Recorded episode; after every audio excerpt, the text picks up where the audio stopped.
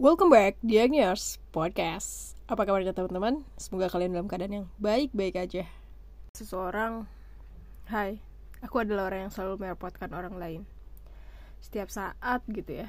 Namun ada aja perasaan di mana aku merasa bersalah gitu. Karena aku telah menyita waktu, tenaga, pikiran, bahkan materi gitu Dari orang yang selalu aku repotkan.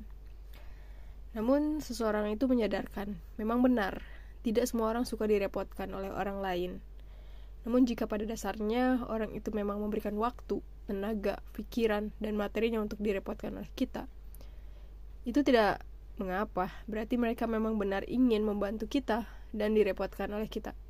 Selama orang tersebut tidak harus menjadi orang lain untuk membantu kita. Dan juga ya kita tahulah batas diri kita merepotkan orang lain itu seperti apa. Jadi jangan karena dia tidak komplain atau gimana ya kita terus aja gitu menyusahkan atau merepotkan dia.